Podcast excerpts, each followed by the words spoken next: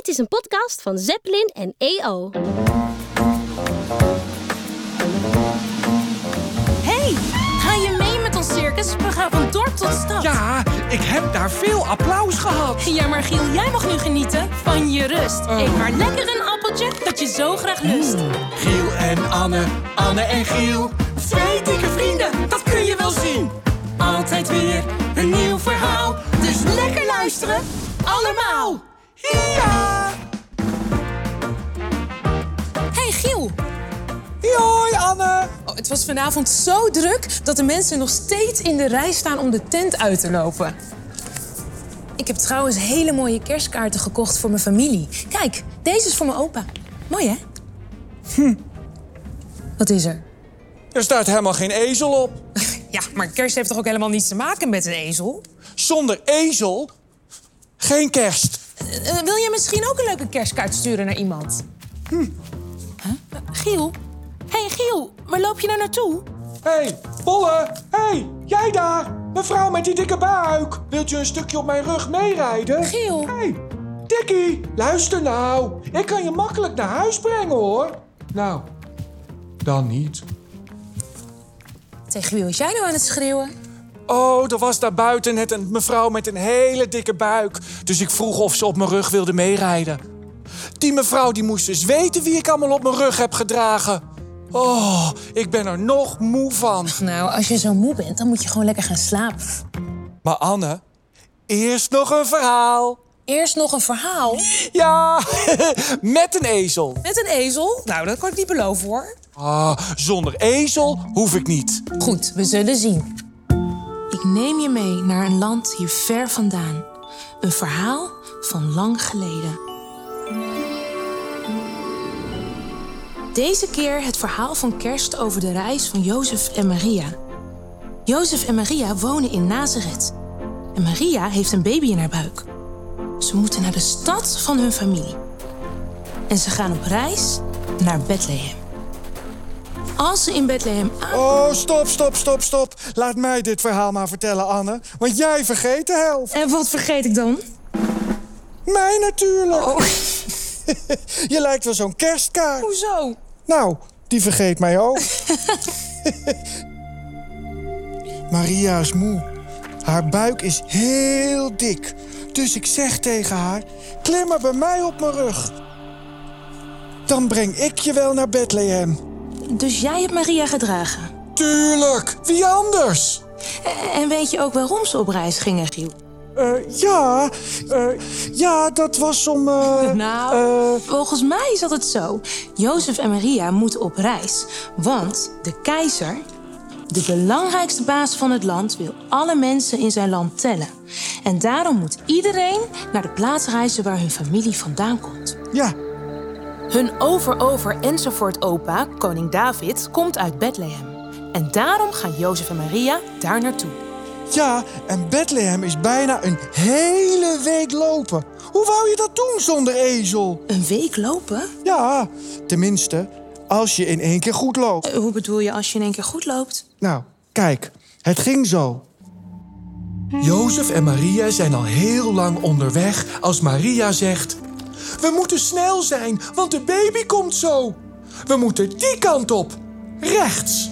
Maar Giel, je wijst nu naar links. Weet je wel wat links en rechts is? Eh, ja tuurlijk. Rechts is waar je hoef links zit. We moeten helemaal niet naar rechts, antwoordt Jozef. We moeten naar links. Nee, zegt Maria. Jawel, zegt Jozef. Bethlehem is die kant op, zeg ik nog. Maar ja, naar mij wordt natuurlijk weer niet geluisterd. Na heel lang lopen zegt Jozef...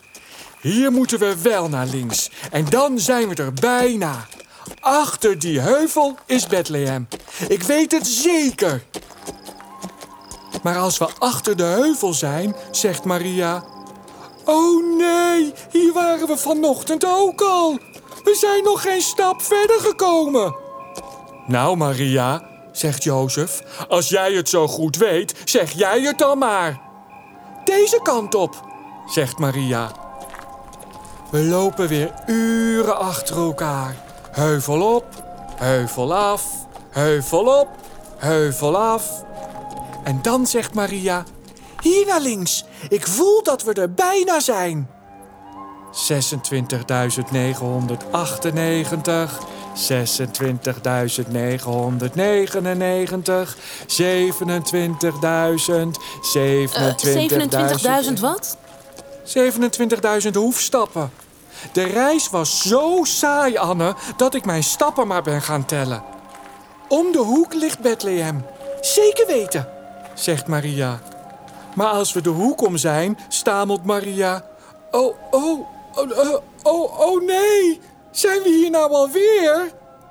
Maria begint te huilen. Straks wordt de baby hier geboren. En het wordt al donker. Ik hou niet van donker. Niet huilen, zeg ik tegen Maria. Ik zei toch al dat ik de weg wel weet? Hij is alleen wel een beetje. Ehm. Uh, uh, een beetje wat? vraagt Jozef. Nou, een beetje. hobbelig. Hobbelig? Nee, gevaarlijk. Gevaarlijk? Ja, maar dat heb ik ze niet verteld hoor.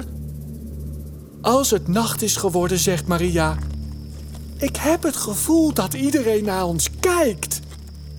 Ze heeft gelijk, want verderop op de weg staan een paar mannen die de weg bewaken. De mannen kijken heel streng. En een slagboom, dat is een grote balk die over de weg heen hangt, Anne, zorgt ervoor dat niemand er langs kan. Halt! Jullie horen hier niet. Jullie kunnen er niet doorheen, brommen de mannen. Dat zullen we nog wel eens zien, zeg ik. En met Maria op mijn rug neem ik een aanloop en spring ik, hup, zo over de slagboom heen. Oh, en Jozef dan? Oh, eh, die gaat er als een speer onderdoor. In het Bijbelverhaal staat helemaal niets over een ezel. Er staat alleen dat ze een reis moesten maken van Nazareth naar Bethlehem. Van wel vijf dagen. En eindelijk, na die lange, zware reis, komen ze aan in Bethlehem. Nou, dat was weer een heel avontuur, Giel. Nou, maar er zat wel weinig ezel in. Giel, wil jij nou nog een kaart sturen? Eh, maar ik zou niet weten naar wie. Oh, weet je wat? We sturen samen een kaart naar mijn opa. Dan zet ik hieronder. Groetjes, Anne. En dan schrijf jij hier... eh nee, ja... Oh, oh, oh, wacht. Ja, je hoefafdruk natuurlijk. Morgen weer een nieuw verhaal. Altijd weer een nieuw verhaal.